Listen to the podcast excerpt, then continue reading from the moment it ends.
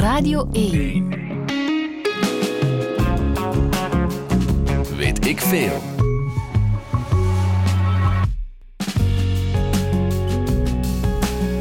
Bijzonder goedemiddag. We hebben een professor in de studio. Maarten, ik moest het één keer zeggen. Hè? Ja, toch van de KU Leuven, toch? Zeg Van de? KU Leuven. We hebben een professor genetica van de KU Leuven in de studio. Ja, En stamboomonderzoek. en stamboomonderzoek. Genetisch genealoog. Genealoog. Ja, Dat is de, de dat is uh, stamboomkunde, is genealogie. Dus eh, ik ben genetisch genealoog. Ik combineer DNA met stambomen. Fantastisch. En dat is onmiddellijk ook prachtig samengevat waar we het gaan da- vandaag over gaan hebben. Ehm, is dat hetzelfde, stamboomonderzoek en genetisch onderzoek, of niet? Nee, nee, stamboomonderzoek is echt opzoeken welke verwantschappen heb je. Ja. En eh, genetica is uw erfelijk materiaal. Maar ja, Eh, dat zijn toch ook verwantschappen dan? Ja, uiteraard, maar dat is enkel maar biologische verwantschap dan. Maar eh, genealogie is veel breder. Want ja, als ik zeg van ik eh, ben vader van drie kinderen, dan heeft dat verschillende aspecten. Juridisch, ja, ik ben eh, sociaal, Ja. en maar ook biologisch. En eh, dat hoeft zeker niet allemaal eh, samen te vallen. Dat Ik is ga- vaak zo, maar dat, dat, dat hoeft niet. Hè. Ik ga onmiddellijk zeggen, ik heb een adoptievader. Dus ik ben, eh, het wordt al complexer nu waarschijnlijk in, in, in het opzoeken van... Absoluut niet. Niet? Nee, want genealogie is ook, ja, wat wil ik zelf weten of wat vind ik zelf belangrijk van mijn verwantschappen, met wie ik mij verwant voel. Dus dat hoeft helemaal niet de biologische verwantschap te zijn. Ah, ik dacht altijd dat het echt puur zo in de, in de archieven gaan zoeken was naar... de- Absoluut, maar dat kan even goed van uw adoptievader zijn en zijn ouders en zijn ouders. Ah, ja, ja. Eh, dus dat, dat is Super. helemaal niet eh, daaraan gelinkt. Wat ik wil zeggen over mijn adoptievader, dat hij zelf enorm bezig is met, met zijn eigen stamboom. En Ik heb het gezien op internet. Ik heb dat even. Ja, ik heb heel uw eh, kwartier staat, zoals dat heet. Dat zijn al uw takken. Ehm, Je hebt dat gevonden op internet? Ja, er zijn heel veel websites. Nu moet ik wel zeggen, ik ben zeer zelf tegen zo'n website waar je alles onmiddellijk vindt. Want Privacy, vergeet het. Ja, we proberen, genealogen proberen zo privacygevoelig te, zijn. Ja. Maar het staat inderdaad op internet als dat uw grootouders en overgrootouders en bedovergrootouders en uw oudouders staan erbij. Dus, eh, en ik denk dat dat dan van uw adoptievader is, maar dat is perfect. Ik ken, ehm, ja, het hoeft zeker niet enkel de biologische verwantschap te zijn. Hè. Voor velen is het vaak belangrijker in welke omgeving zijn de mensen die ik graag heb opgevoed en eh, wie waren zijn ouders. En het is het zoeken naar een, een identiteit.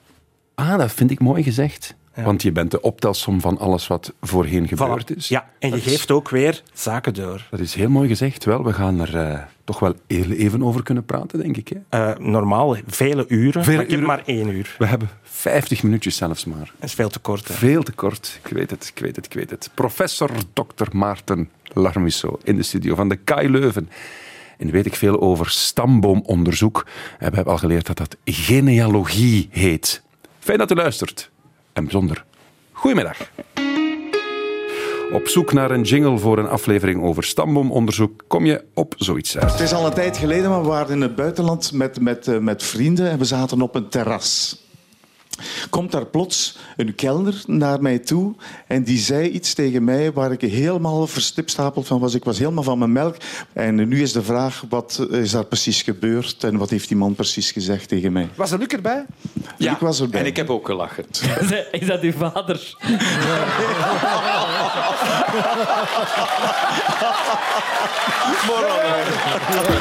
Is Luc Appermond de vader van Bart Kuil? Professor Maarten Larmusso? Nee, natuurlijk niet. Het is een fragment over de link tussen ja, vader en zoon. En dat is eigenlijk wat jij, denk ik, doet. Hè? Dat is toch stamboomonderzoek? Dat is echt stamboomonderzoek. Ja. Ja. Maar eh, ja, wat familie is, zoals we gezegd hebben, hangt ook af van wat je zelf vindt van verwantschap. Mhm. Eh, denk maar aan chosen family tegenwoordig. Eh, mensen zeggen van ja, ik word niet gewaardeerd, ik kies mijn eigen familie zelf. Ja. Eh, maar het klassieke beeld van een genealoog is natuurlijk die van ja, op, in de living eh, De gepensioneerde man die... Voilà, ja, De witte gepensioneerde Ja, man met veel te veel tijd, die, die op het einde van zijn leven wil weten wat, hoe rijk ze geweest waren in, in hun familie en waar het misgelopen is. Dat nu maken we er een geweldige karikatuur van. Ja, de want- mailbox hoor ik ontploffen. Op, af- Ja. Absoluut, want ken jij gepensioneerden met veel te veel tijd. Dus ehm, ja, nee, het, het stereotype is absoluut helemaal niet waar, want er zijn ook enorm veel vrouwen die aan stamboom kunnen doen en ook heel veel jongeren. Vaak ook jongeren met een, bijvoorbeeld een migratieachtergrond, die wil weten ja, hoe, ja, hoe zijn mijn familie naar hier gekomen en waarom, wat zijn de motieven. En uh, het is echt uh, ja, uit onderzoek gebleken dat 7 op de 10 Vlamingen geïnteresseerd is in zijn stamboom, in zijn familiegeschiedenis. Dat is veel meer dan zelf, zelf politiek of kwantummechanica ah, ja, ja, ja. of zo. Ja, en als ik dan een, wat filosofisch mag worden, waarom, waarom willen wij dat weten? Waarom zijn wij op zoek naar die iedereen, wortels? Ja, iedereen wil toch wel weten wie zijn, wie ben ik, van waar kom ik. Uh, is dat zo? Ja, heel veel het evangelie van Matthäus begint zelf met een hele lijst van uh, de stamboom van Jezus, beginnend van Abraham tot bij hem via David. Uh, mensen hebben daar altijd enorm veel interesse in gehad. Uh, en uh, ja, zeker ook in de middeleeuwen al uh, waarbij men uh, ja, wou tonen hoe, welke status dat uh, de familie had. En om voor politieke macht te claimen. Denk maar aan de Medici. En vandaar dat er ook in de middeleeuwen al heel veel gelogen werd. En de spreekwoord is niet voor niks. Liegen als een genealoog. iedereen wil toch direct tonen van... ja, ik ben verwant aan die of aan... Ik hoor constant Karel de Grote. Iedereen wil daar verwant aan zijn. En toen ik gisteren uw stamboom uitprintte, zei men in het laboratorium: En heb je iets interessants gevonden? Terwijl ik dan meestal zeg, ja, het zullen wel gewoon boeren en arbeiders zijn. maar iedereen wil toch direct iets, ja, iets fascinerend dat je aan de koffietafel kunt zeggen of aan, aan het uh, feestmaaltijd bij kerstmis. Uh, van, weet je, wij zijn van de vikingen afkomstig of van de Spanjaarden. Dat klinkt natuurlijk veel leuker. Maar meestal is het uh, heel in, in, al, al op zich heel interessant uh, om, om op te zoeken, ja, wie is uw familie? Um, van waar komen ze? Um, hoe hebben ze uh, ja, ja. kinderen genoemd? En, enzovoort. Als ik dat mag vragen, hoe oud ben, ben jij? Ik uh, ben juist 40 geworden. 40, wij zijn, ja. wij zijn generatiegenoten. Voilà, kijk. Um, wat bezielt iemand, een jong persoon, om, om zo in, met daarmee bezig, omdat we vertrekken van het cliché. Het is ja, ja, ja. Voor, voor maar ik was toch al van kinds af daarmee bezig. Ja, echt? Om, omdat we een, een, rare familienaam hebben, Larmuzo. En de, betekent dat trouwens? Uh, kleine grijze hagedis. Ik dacht het. Ja, vandaar dat in mijn laboratorium nu een, uh, een hagedis hangt. Dat is dan zo'n conversation piece. Ja. Uh, en dan weten ze direct welk onderzoek dat ik ook doe. maar ja, en dat hing, hing bij ons altijd, nog altijd, bij mijn ouders in de living. En dan staat als stamvader Martinus Larmizo. En laat nu net dan ze mij Maarten hebben genoemd daarnaar. Dus ik was voorbestemd. Maar um, ik ben dan heel snel begonnen uh, met ook de andere takken van mijn stamboom. Want de meeste mensen denken altijd aan die ene stamlijn van vader op, op vader, op vader, op vader. Mm -hmm. Omdat dat dan gelinkt is de met de familienaam. Ja. Uh, maar je hebt, je, je hebt evenveel voor vaders als voor moeders. En als we dan al onze voorouders in kaart willen brengen, dan stellen we een, uh, een kwartierstaat op. Dat wil dan zo zeggen, ik heb die van u bij, maar ik heb ook die van mij bij. Dat staat dan vol namen en, wow, jong. en uh, getallen. En, en allee, dat zijn dan datums en waar ze geboren, gestorven, gehuwd zijn. Uh, ben je dan nog geïnteresseerd in wie al uw neven, tantes, uh, nonkels zijn, dan maak je van elke persoon in uw kwartierstaat een parenteel op. Dus alle nakomelingen. Daar alleen al ben je heel je leven mee bezig. Uh, maar dat is enkel nog maar de graadgenealogie, enkel namen, mm -hmm. uh, getallen. Uh, ja, dat zegt ook nog niet zoveel. Het wordt dan pas echt tot leven als je er verhalen achter kunt steken. We gaan, eens, we gaan, we gaan beginnen bij het begin. Beste Maarten. Ik wil mijn stamboom gaan onderzoeken. Hoe begin ik daaraan? Door hun, eigen, ja, door hun eigen keuken schuiven en papiermanden te kijken en, en uh, uh, misschien een schoendoos met allemaal bitprintjes en, en doodsbrieven. Ah. Heb je dat misschien? Of een huwelijksboekje van Geen je... idee. En oude foto's um, die je hebt overgeërfd. Eén uh, tip voor iedereen die luistert: onmiddellijk opschrijven op de achtergrond wie, wie, wie die mensen zijn. Want jij weet nog uw ouders en grootouders, Ja. maar dat is enorm snel vergeten hoe ze eruit zagen. Ja, ja. En ook eh, inscannen en verdelen, want ze zouden maar eens ver- verdwijnen. Dus je, je gaat niet naar, onmiddellijk naar het gemeentehuis, nee, naar het je begint register. zo dicht mogelijk Zo bij dicht ja. mogelijk. Ja. Ehm, ja, Dan ga je opschrijven en dan ga je- opschrijven, op, eh, opzoeken, interviewen van eh, oude tantes en onkels en wie dat er nog leeft. Vandaar, de tijd is altijd aan het tikken. Interviewen. Ja, waarom niet? Al- Naar de verhalen die zij kunnen vertellen over wat ze gehoord hebben. Dat is altijd heel leuk om dan te zoeken of dat ze waar waren of Dat is niet. wel leuk, inderdaad. Ja. Echt op de koffie gaan bij die... Op de koffie die- gaan met een, en hoe dan ze het zeggen, misschien met camera. Dat, dat, ja, dat, vind- dat vinden wij eigenlijk heel tof. Ook op begraafplaatsen gaan kijken. En daar tikt het, het ook, want ja, na 30 jaar kan de concessie weg zijn en zijn de graven weg. En archiefonderzoek, dat kan je altijd nog later doen. Maar eh, mensen oké. verdwijnen, verhalen kunnen verdwijnen. Dus dat verzamel je. En dan ben je 100 jaar al vaak overbrugd door die Je gaat door mondelinge overlevering Ja. kan je 100 jaar... ja, en ook door eh, uw doodsprentjes. En, en eh, ja, zeker hebben, heb je onkels en tantes met nog doodsbrieven van hun Hou jij, grootvader. hou jij dat bij een doodspringen? Ja, Meen je dat? ja, Oh, ik, nee. nee. Een Ja. geboortekaartje, hou jij dat allemaal bij? Ik hou dat allemaal bij, ja. Ja, je bent natuurlijk professor genealogie. Ja. Nee, maar er, er zal wel altijd iemand zijn in de fa- familie die dat bijhoudt. En dan zijn je 100 jaar overbrugd en dan heb je alle toegang tot, eh, althans als uw voorouders in België zijn of in Nederland of in onze buurlanden, op internet staan, staat eigenlijk de burgerlijke stand bijna van alle gemeentes en dorpen. Tot eh, de start van de burgerlijke stand, dat is rond 1800, wanneer de Fransen hier toekwamen en de Franse revolutie was. Eh, en dan kan je alle geboorteakten, huwelijksakten en sterfteakten terugvinden. En zelf met de nieuwe wetgeving kunnen we al eh, huwelijksakten die ouder zijn dan 75 kunnen we allemaal krijgen. En eh, doodsakten of eh sterfteakten die 50 jaar Dat staat allemaal op het internet. Ehm, niet de recentste, maar zeker van 100 jaar eh, daarvoor Wow. staat alles op eh, het Rijksarchief, op de website van het Rijksarchief, een heel toffe eh, website. Maar ook eh, met de Mormonen, eh, familysearch.org. eh, is een website waar je ook dan voor mensen die buiten België hun voorouders zoeken. eh, want de Mormonen die zijn altijd enorm geïnteresseerd geweest in hun voorouders en zijn pioniers geweest in alles te digitaliseren en te filmen. Ja. Ehm, om ze dan te herdopen. Dus die hadden religieuze motieven. En eh, via het Rijksarchief en de Mormonen, dus Family Search, kan je heel snel tot op een avond bijna tot 1800 teruggaan. Ja, ik heb het hier even ingetikt. Search.arch.be. Ja, dat is van het Rijksarchief. Het Rijksarchief in België. Zoeken in het Ja, Rijksarchief. en als je dan weet waar uw overgrootmoeder geboren is, dan heb je direct de akte, als die ouder is dan 100 jaar. En dan kan je verder zoeken, want daar staan haar ouders. En dan staan daar hun, eh, kan je naar de huwelijksakte gaan en dan de sterfteakte.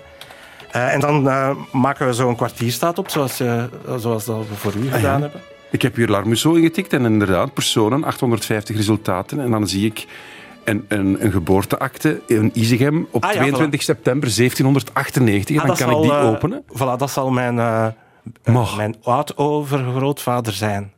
Ursule Larmusso is een kind. Ja, en waarschijnlijk... Ma- Martijn Ferdinand Larmusso, Voilà, dat was Izegem, mijn- 28 Ja. jaar. Dus wij hebben heel veel Martijnse Martinussen in onze stamreeks. Maar je bent zo typisch enkel geïnteresseerd in de familienaam, terwijl dat we zoveel voorouders hebben. En, maar wij zijn zo gefascineerd Ah, ja, ook door die voorvaders. We hadden tot voor kort zelf geen woord voor vrouwelijke voorouders, dus daar hebben we dan voormoeders voor uitgevonden. Dat is toch jammer dat we dat geen woord voor dat hadden. is eigenlijk waar. En tegenwoordig heb je ook dubbele achternamen, dus dat maakt het allemaal complexer of net niet? Dat maakt het iets meer zoeken voor onze nakomelingen, hè? maar Ja, dat maakt niet uit. dat maakt niet zoveel uit. Hè?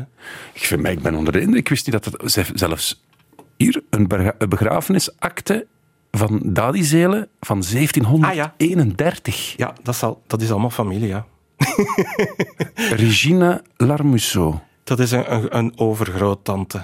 Maar eh, ja, ik kan dat ook van... 1731, ja. Ja, maar dat is dan... ehm, dan zijn we voor 1800. En ehm, voor 1800 moeten we naar de parochieregisters. Dus vanaf 1600 in onze contraien hier in Vlaanderen schreven de pastoors alles op van eh, dopen, huwelijken en begrafenissen. Ja. Nu, hij schreef dat wel altijd een beetje slordig, meestal niet te veel context. Het is veel moeilijker dan die actes van de burgerlijke stand, waar dat dan... eh, ja, Dus meneer Pastoor schreef alles op. die schrijft alles op, nog tot nu nog altijd. Als je je kind laat dopen, dan, eh, of je huwelijk, ja, dat staat er allemaal op. Nee, begrafenis. niks. Niks bij u? Nee. Ja, ik ben wel gedoopt. Ah, wel, dat gaan we dan terugvinden, maar eh, dat is niet online te vinden, want ja, dat is nog te recent. Dank je. maar eh, tussen 1600 en 1800, ja, dan staat ook alle parochieregisters die nog bewaard zijn gebleven op internet, op die website van, eh, van, eh, de webs- eh, van het Rijksarchief en ook van de Mormonen. Maar dat is dan een handschrift, dus dan moet je echt gaan, gaan, Ja. gaan, gaan, gaan bestuderen. Ja, dan, ja wel, dat is ook een, een, een tip voor iedereen. Als je aan stamboomkunde doet, dan kan je dat nooit helemaal alleen. Je moet je echt verenigen. Je moet leren om oud schrift, zeker voor 1800. eh, dat heet dan paleografie. Want die mensen schreven hun G en hun H's anders. En dat was niet vuil schrijven, maar dat was gewoon anders schrijven. Dus je leert heel veel bij. En je gaat stap per stap terug in de tijd. Nu, pas op je maakt snel fouten. En je moet dus stap per stap opklimmen. Dus je mag je... Ja, en vroeger maakten ze ook fouten. Meneer Pastoor maakte fouten, maar ook de ambtenaar van de, eh, van het, eh, van de burgerlijke stand kan eens iets verkeerd schrijven. Ja, want misschien was het eerst Mark met C en dan Mark met Oh ja, K, dat is nog van niet... Dat ja, soort, dat, ah, dat komt nog- heel veel voor. Ja. Schrijffouten. Schrijffouten. Dus ja, als je dan opeens een akte vindt van Maria Janssens uit Antwerpen, ja, hoeveel waren er niet? dus je moet dan absoluut zeker zijn Dat het de juiste Maria dat de Janssens juiste Maria is. Maria Jansen. Eh, en zo Nee, maakte- Janssens, zei je net. Ja, Maria Janssens. Ja, maar ja, dan maar dat kan ook, soms is Maria Jansen geschreven worden. Zeker door de pastoor verandert die, die schrijfwijze voortdurend, want het was maar op gehoor. Vanaf 1800 is daar eh, systematiek of is dat eh, erg opgevolgd. Ja. Maar daarvoor veranderen die namen, courant. Maar dus tot 1600 Kan je heel gemakkelijk voor iedereen Documenten vinden, vinden. vinden. Maar dan spreken we al over bijna 10.000 van uw voorouders. Want ja, het, het gaat altijd maal twee. Twee ouders, vier grootouders, acht overgrootouders, 16 bedovergrootouders, 32 oudouders, 64 oud maar rustig voort, ja. Voilà. Ehm, dus als je dan 10.000? teruggaat, ja, als je teruggaat tot 1600, dan eh, kan je tot duizenden zitten eh, die allemaal met u verwant zijn, al uw voorouders zijn. En wij zijn dan een soort samenbrenging van die 10.000 Ja, DNA-stringen. Want als er daar eentje een andere partner had gekozen of zo... Vergeet dan, het. Vergeet het, dan was er geen Kobe Ilse. Ja, Kunt u dat voorstellen? dat zouden veel mensen... Zwat. zwart. Ja. Allee. Ja, dus, En, maar je moet en, echt... wat- en als, ja. je nog, als je dan nog voor 1600... Voor 1600. Dat kan ook, maar daar hangt alles af van ehm, de plaats waar je leeft. Bijvoorbeeld in de Oudenaarde zijn er uitzonderlijke poorterslijsten, waardoor je echt nog terug, verder terug kunt gaan in de tijd. Maar ook ja, als je veel ja, van elite bent, of eh, van adel, of je hebt heel veel bezittingen in je familie, dan kan je dat toch wel nog veel vroeger ook nog traceren. Zo kan, is het niet uitzonderlijk dat je ook wel nog terug kunt gaan tot de 14e eeuw en, en zelfs daarvoor. Maar als je zegt, in, in 1600 zijn er al 10.000 mensen u op voor... de- Vandaar dat Dan mensen is dan... iedereen toch uiteindelijk familie van iedereen. Ja, dat is ook het leuke aan genealogie, dat je dan uit eenzelfde streek ziet van... Oei, wij zijn verwant. in, het zoveelste, in het zoveelste knoopsgat, maar we zijn verwant. En dat is zo het leuke aan voor veel genealogen, maar dat is natuurlijk hobby. Hè. Ehm, voor, voor ons is daar natuurlijk als wetenschapper ook nog andere vragen van belang. Mhm. Maar als hobbyisten vinden dat juist heel leuk om te zien van ja, hoe zijn wij met iedereen verwant eh, uit eenzelfde regio. En ben je dan het type dat zo het Larmuso-feest gaat organiseren met zo mensen tot 300, 400 jaar geleden terug? Eh, dat hebben we nog niet gedaan. Dat zou ik eigenlijk heel graag doen, maar dat is als, ik- als ik op pensioen ben of op emeritaat Ja. of zo. Maar er zijn heel veel van die familiefeesten, hè, eh, die dan allemaal samenkomen. Ehm, oh, en er zijn ook heel veel familieverenigingen, dat is heel interessant. Maar dat is wel altijd maar die mannelijke kant. Maar dat is omdat dat goed traceerbaar is. Je kunt dan altijd op dezelfde familienaam eh, zoeken. En je kan dan ook naar 1600. eh, dat is te doen, om het zo te zeggen. Maar je kan even goed van moeder op moeder op moeder op moeder gaan. En dan ben je biologisch ook meer zeker. Ja, want van de moeder ben je... Zeker. Ja, inderdaad. Voilà. Dus, ehm, Tuurlijk, ja. Dus Maar- eh, ja, Dus het- voor hetzelfde geld ga je een stamboom helemaal afzoeken op, op de vaders. ja, maar, daar is- gaan we straks over praten. misschien. Ah, oké. Ja. Bij mij in de studio Maarten, professor Maarten Larmusso, die eh, mij heeft verrast met eh, een, mijn eigen stamboom. Die online terug te vinden is, want mijn adoptievader is daar actief mee bezig. En die zet dat dan online? Of Die hoe? zet dat dan online. Ja. Ah, en jij kan dat dan ik- gewoon af- Ik kan dan alles aflezen, namen. Ik kan ook zien waar alle Ilsen voorkomen. Dat is dan in Limburg. Dat is op de familie, eh, website familienaam.be.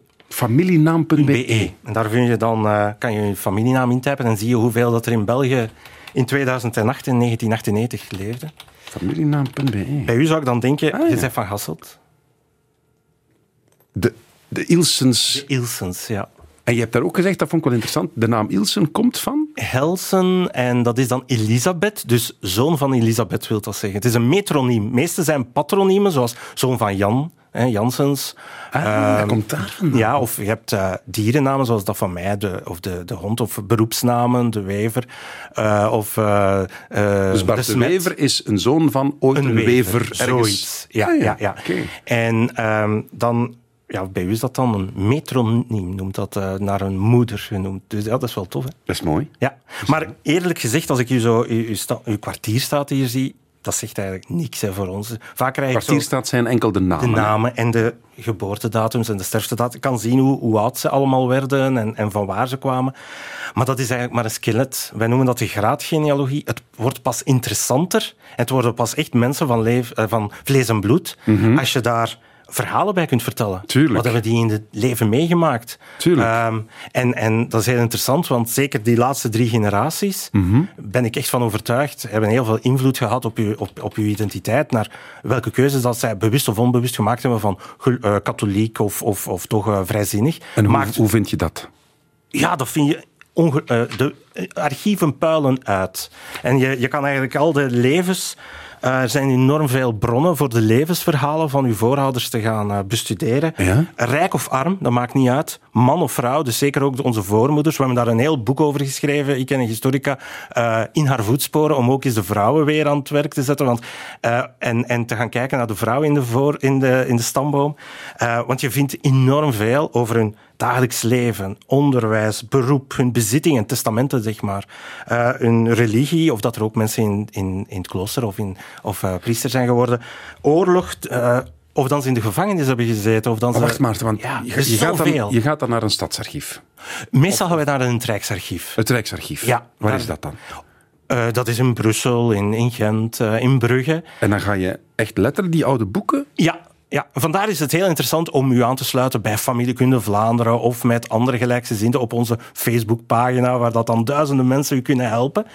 En dan, ehm, dan leer je daarover. Er zijn ook heel specifieke archieven, zoals het Kadok in Leuven. Als je, als je een missiezuster hast of een, eh, of een pater in de familie, dan zit daar vol informatie. Ehm, maar, maar ja, ook eh, het legerarchief eh, is ook heel interessant om te weten wie is er allemaal in, in de familie in het leger. En is dat dan allemaal gedigitaliseerd? Dat je Nee, gewoon... dat is- nee, nee. Dat is echt gaan, gaan lezen. het, het, ja, er is heel weinig of, of op dat vlak al gedigitaliseerd. En je moet je weg vinden. Eh, en ja, daarom zeg ik altijd ook, een goede genealoog is in de eerste plaats iemand die de juiste vragen kan stellen. Of, en die dan weet waar hij moet gaan zoeken. Want er zijn heel veel specialisten die enorm veel opzoeken, maar zonder lijn of zo. Of, of gewoon alles wat ze tegenkomen. Maar eh, je hebt heel veel eh, ja, mensen die iets ooit gehoord hebben van... Ja, mijn grootmoeder zou naar... Of mijn overgroottante zou naar Amerika in de Eerste Wereldoorlog zijn gegaan. Klopt dat wel? Ja, dan moet je naar eh, de lijsten gaan kijken van passagiers die de oversteek hebben Maar, gemaakt. dat bestaat allemaal. Dat bestaat echt allemaal. Maar je moet het weten te vinden. En eh, je moet ook bereid zijn om te weten dat je soms zaken gaat tegenkomen waar je niet had gewenst of niet had gewild. Of, of die een beetje, ja, als je ziet dat iemand eh, een misdrijf heeft gepleegd. Nu zijn er wel heel veel genealogen die dan super blij zijn, omdat daar juist dan enorm veel informatie over te vinden is. En ook een beetje spannend Want is. dan kan je naar het politiearchief of, of Ja. het justitiearchief. Ja, er is, ah, ja, zeker alle. Dat is in het Rijksarchief. Hè. Na zoveel jaar komt dat daar dan ter beschikking. Kan je eh, ja, de, de assiseprocessen volgen, alle processen verbaal. Nu, overlaatst was ook, allee, of een, een paar jaar geleden, was de fiets van mijn vrouw over- eh, gestolen. En in Leuven gebeurt dat heel regelmatig. Dus ja, moeten we daarvoor naar de politie gaan? Ik zeg ja, absoluut. Dan hebben we een, een proces verbaal. Dan kunnen onze achter-achterkleinkinderen zien Eh, welke fiets dat we hadden, waar dat we woonden. En dat maakt het heel makkelijk. Je moet nu al sporen leggen. Zeg maar Maarten, wacht even. Dat is eigenlijk zo uh, private detective. Ja, het is daarmee dat het ook heel spannend is. Heel Ja. enorm verslavend is. Want je, je zoekt altijd de ene stap naar de andere. En je, je moet altijd meer gaan zoeken. Het moet altijd moeilijker. En het, het is vaak een mysterie opzoeken. Maar kan je dan ook niet heel zwaar teleurgesteld worden? Absoluut. Inderdaad, door Ja, collaboratie bijvoorbeeld. dat absoluut. moet, dat moet ken- heel pijnlijk. Zeer pijnlijk. Ik ken mensen die na het lezen van ons boek bijvoorbeeld zeggen ik ben eens heel geïnteresseerd en vinden ze inderdaad collaboratie eh, in de familie of ja, echte misdrijven hè, die hun voorouders... Heb jij, heb jij een deugniet in de familie? Ja, ze zeggen altijd iedereen heeft er. Omdat je 10.000 voorouders hebt Tuurlijk, of ja, dat is al 1600. wel- Dus eh, ik heb er nog geen gevonden. Ik heb wel al... Yeah, right. Dat zeg je nu dat zeg ik nu, maar ik denk dat ik gewoon nog niet goed gezocht heb. hè. Je bent professor genealogie. Als jij nog niet goed gezocht hebt, maar ja, je hebt nog Maar ja, het is te zien, wat vind je erg? Ik heb nog niemand in de gevangenis gevonden, wat ik wel Dat is wel misschien... opvallend, toch? Ja, of, of, ehm, of ja, een, een, een- een landloper of zo is ook heel goed gedocumenteerd. Vaak ook nogal gedigitaliseerd. Dus het is wel heel leuk om mensen die zeggen van ja, wij hebben een verhaal gehoord, wat is daar nu van waar? En dan gaan ze daarop zoeken. Dat vind ik heel interessant. Dat heeft ook een finaliteit. Heeft, eh, weet je, kan je goed je, je laten begeleiden. Ehm, en, en dat maakt het heel leuk. Maar er is enorm veel bronmateriaal. Om, om een tip te geven aan de mensen is al bijvoorbeeld oude kranten zijn al vaak gedigitaliseerd, heel veel kranten, op de KBR-website, dat is de Koninklijke Bibliotheek in Brussel. En daar, als je daar een, een eh, account op maakt, dan kan je al je namen van je voorouders terugvinden. kan je zien of ze ooit eh, reclame gemaakt hebben voor een kantwinkeltje of zo. Dat, dat staat daar allemaal in. KBR.be, klopt. Ja. Welkom Ehm, bij de KBR, is de Nationale Wetenschappelijke Bibliotheek. Ze verzamelt alle Belgische publicaties en bewaart, beheert en bestudeert een omvangrijk cultureel en historisch patrimonium. En je kan daar de kranten doorzoeken en eh, je, je komt sowieso voorouders tegen. Dat, dat kan bijna niet anders. Hé, maar ik ga straks beginnen. Ja, maar Je, je hebt mij enorm... Ik word Ja, maar- enorm getriggerd, ja. Ja, natuurlijk. Het is, en het is verslavend. Want ik dacht echt...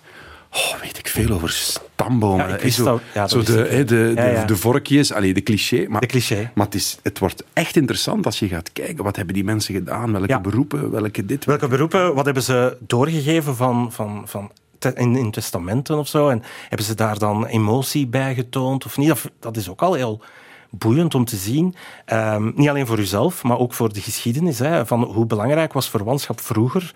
Eh, is dat meer als vandaag? Het is een kijk op de maatschappij ook van hoe zijn de relaties tussen mensen en hoe belangrijk zijn die? Natuurlijk ben ik geïnteresseerd in de neus die jij hebt, Kobe, of de oren, of erfelijke aandoeningen misschien. Hoe zijn die in de familie doorgelopen? Maar je kan even goed ook geïnteresseerd zijn in hoe is het onderwijs eh, geëvolueerd en hoe is dat in mijn familie?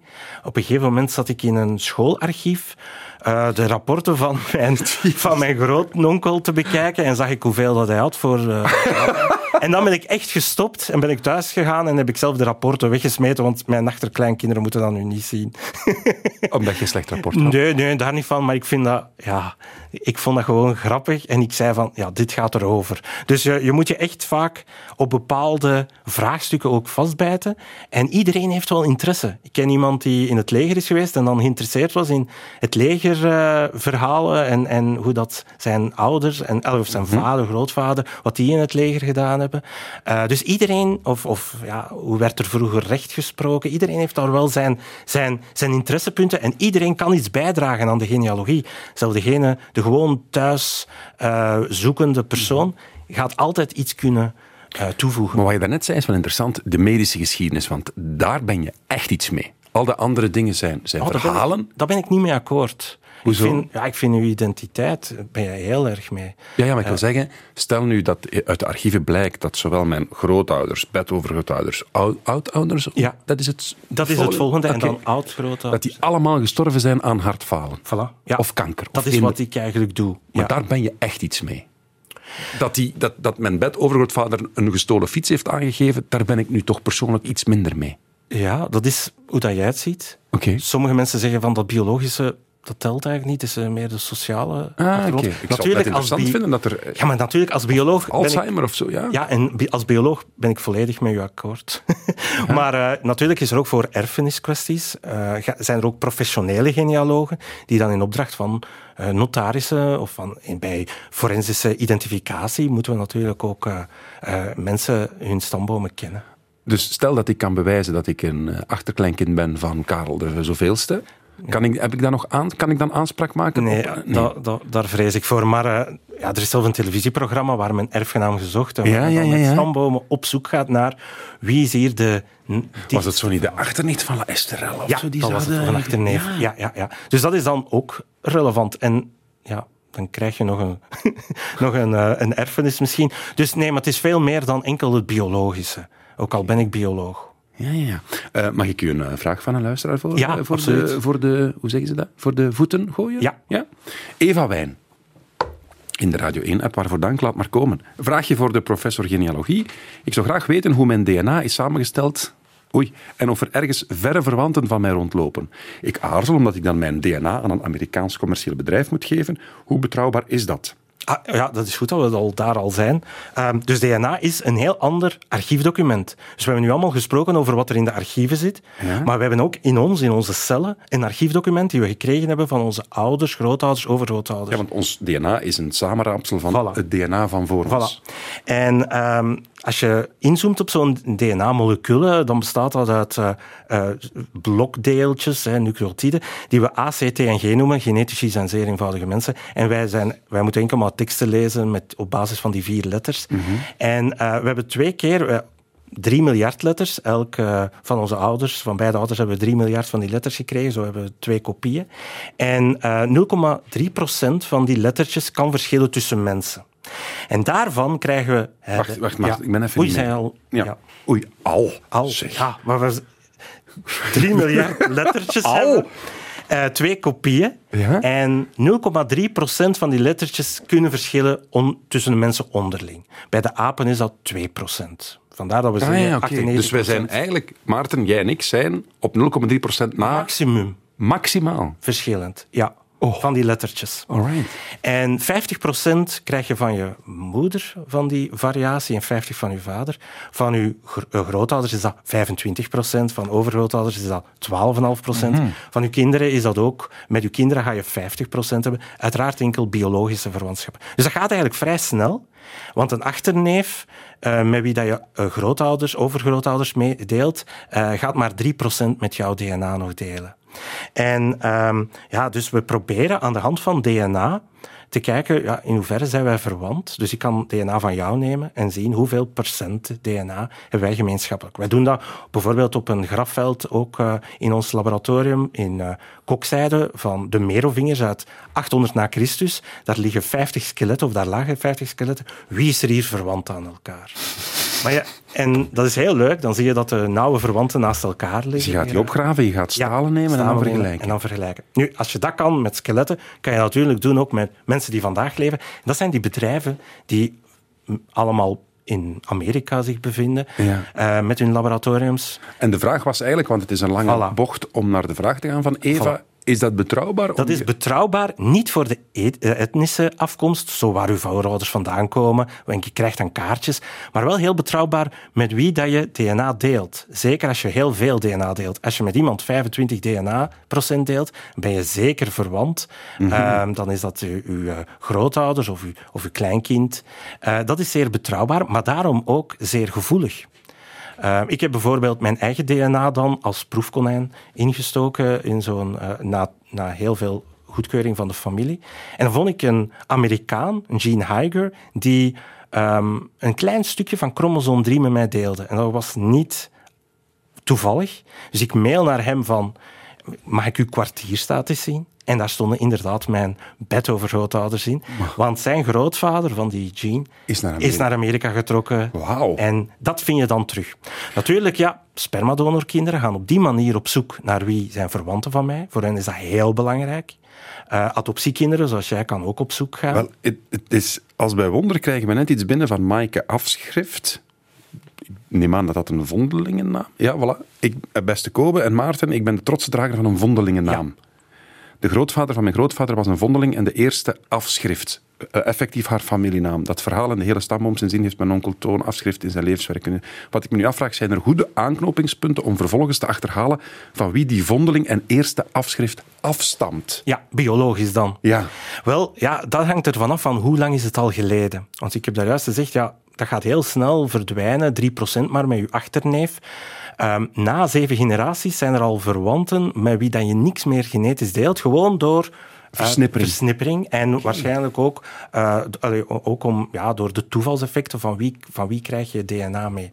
En dus al tien generaties, als je naar tien generaties terugkijkt, ja, dan heb je al de de helft van uw voorouders en verwanten die niet meer DNA met jou delen. Dus dat gaat heel snel. En dus heb je maar een kijkvenster tot 150, maximum 200 jaar, waardoor je met die testen kan kijken naar verwantschap. Dus bij deze vondeling kan je inderdaad aanknopingen vinden, maar het mag niet langer geleden zijn dan 150 jaar. En DNA-onderzoek is vrij recent, dus iemand van 15, 1600 heeft nog geen, heeft zijn DNA niet laten uitlezen natuurlijk. Nee, natuurlijk. Dus je gaat altijd ja. naar verwanten gaan zoeken. Voilà. En, eh, dus je, je hebt maar een beperkt aantal Maar vanaf nu, binnen 3, 4, 5, 6, 7, 800 jaar, ons DNA op dit moment, denk ik, wordt, zeker als je het opstuurt naar een Amerikaans Ja, bij, wordt dat absoluut. wel bijgehouden. Dus de zoektocht, de job van gene, genealo, Genetisch genealoog. voilà, gaat er alleen maar op. Ja, we, we, we waarschuwen ook mensen ehm, om, om zomaar uw DNA af te staan aan die bedrijven. Want je weet niet wat ermee gebeurt. Daar staat ook heel veel medische gegevens in. En je zendt gewoon je meest intieme gegevens eigenlijk naar een Amerikaans bedrijf die dat dan als eigendom ziet. Dus ehm, ja, het, het- heel veel mensen komen ook onverwachte resultaten tegen, waardoor ze helemaal in de war zijn. Eh, maar voor spermadonorkinderen eh, die een anonieme vader hebben of eiceldonatie, is dat vaak levensbelangrijk om te weten wie is familie en, en hoe zit de vork aan de steel. Sven de Leijer heeft ooit een poging gedaan tot stamboom van thuis. Als Frank Boomans een seksueel overdraagbare aandoening heeft opgelopen in zijn losbandige periode, dan is de eerste die eraan hangt Jenny. Want dat was zijn eerste vrouw, daar was hij mee getrouwd. Dus Jenny die heeft het sowieso. Frank en Jenny die waren getrouwd. Dat huwelijk is uiteraard geconsumeerd. En de consumatie van dat huwelijk, dat was Bianca. Dus Bianca heeft het sowieso ook al. In die periode hadden Luc Boomans, de broer van de Frank, en Rosa Verbeek, de zus van Jenny, twee broers, twee zussen, twee koppels. In die tijd was, was thuis nog gewoon simpel, maar vooral ook heel proper. Daar is verandering in gekomen. Op een bepaald moment ging het een beetje slecht tussen Luc en Rosa. Die Luc die ging zo wat eigen orde opzoeken. Rosa was geweldig triestig, maar gelukkig was er Frank met het grote hart. En die is Rosa een beetje gaan troosten. En een troostprijs dat daaruit voortgekomen is, dat is ons Peggy. Dus het zit al bij Peggy op dit moment. Nu, tussen Luc en Rosa is dat eigenlijk allemaal terug goed gekomen. Met dat verschil, de Luc heeft sindsdien wel een beetje last natuurlijk van jeuk in zijn broek. Het gaat vandaag, en weet ik veel, over stamboomonderzoek met professor genealogie Maarten Larmusso. Met de klemtoon op de lar. Ja, Heb absoluut. je dat ook op- gevonden in de boeken? Nee, maar zo doen wij het in de familie. Zo, dat is een afspraak. Voilà, dat is een afspraak. Ja. Want, want kan je klemtonen aanduiden? Wordt dat gedaan in, in, in geschriften, zo met een accent? Nee, en dat- je hebt heel veel van eh, namen zoals Gekieren, Gekière, en, en dat is allemaal dezelfde afkomst, maar iedereen in alle families spreken ze het anders uit. Je wou het nog graag hebben over koekoekskinderen. Ja, want eigenlijk is dat voor ons heel belangrijk om ook nog verder terug in de tijd te gaan. Ik heb u gezegd, dat tijdsvenster is zo klein, van 150 jaar, 200.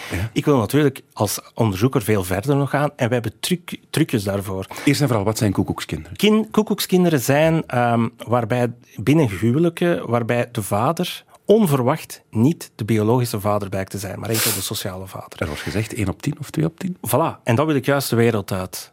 Ah, dat klopt Ja, niet. Want dat klopt helemaal niet. Oké, oef. Ja, wat er we, meer? Wat, wat dat we doen is, is eh, via Y-chromosoomonderzoek vooral, eh, proberen we, kunnen we heel ver terug in de tijd wel teruggaan met genetica en genealogie. Waarom? Omdat we dat enkel als man krijgen van onze vader, zijn vader, zijn vader, zijn vader. Dus twee mannen met een gemeenschappelijke voorvader, ja, die moeten ook hetzelfde Y-chromosoom nog hebben of een zeer gelijkaardig.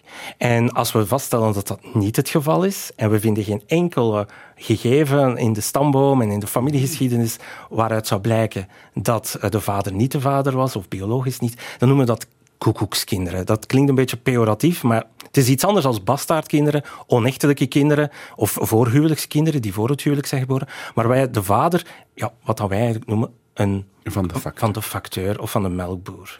Eh, maar dat is nog slechter. Nu dat ik erover nadenk, de job van melkboer is eigenlijk, bestaat dat nog? Nee, dus daarmee ook dat... En- de postbodes hebben geen tijd meer, dus daarmee dat we zeggen van de pizzaboy.